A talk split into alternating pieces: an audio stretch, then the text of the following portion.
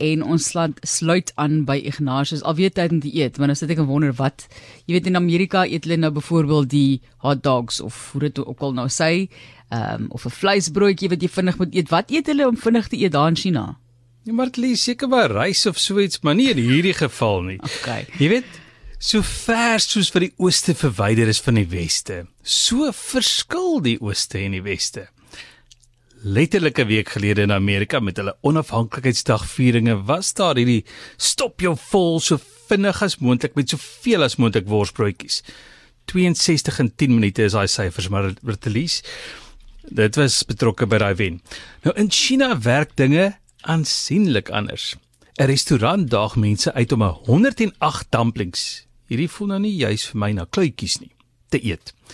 As jy kan, wen jy 'n gratis ete asof jy dan nog plek het. Meer as 100 vir enige iets wat jy eet klink baie tot jy die skyfies begin tel wat jy tydens 'n Springbok rugby wedstryd eet. Maar terug na China. Die koning van die groot maag uitdaging het die regering warm onder die kraag. Sedert 2021 is daar 'n wet teen kosvermorsing. Restaurante kan met 1400 dollar beboet word as hulle klante mislei of aanpor om baie kos te bestel radio en TV-stasies wat adverteer en mense aanpoor om te veel te eet, kan tot 14000 dollar beboet word.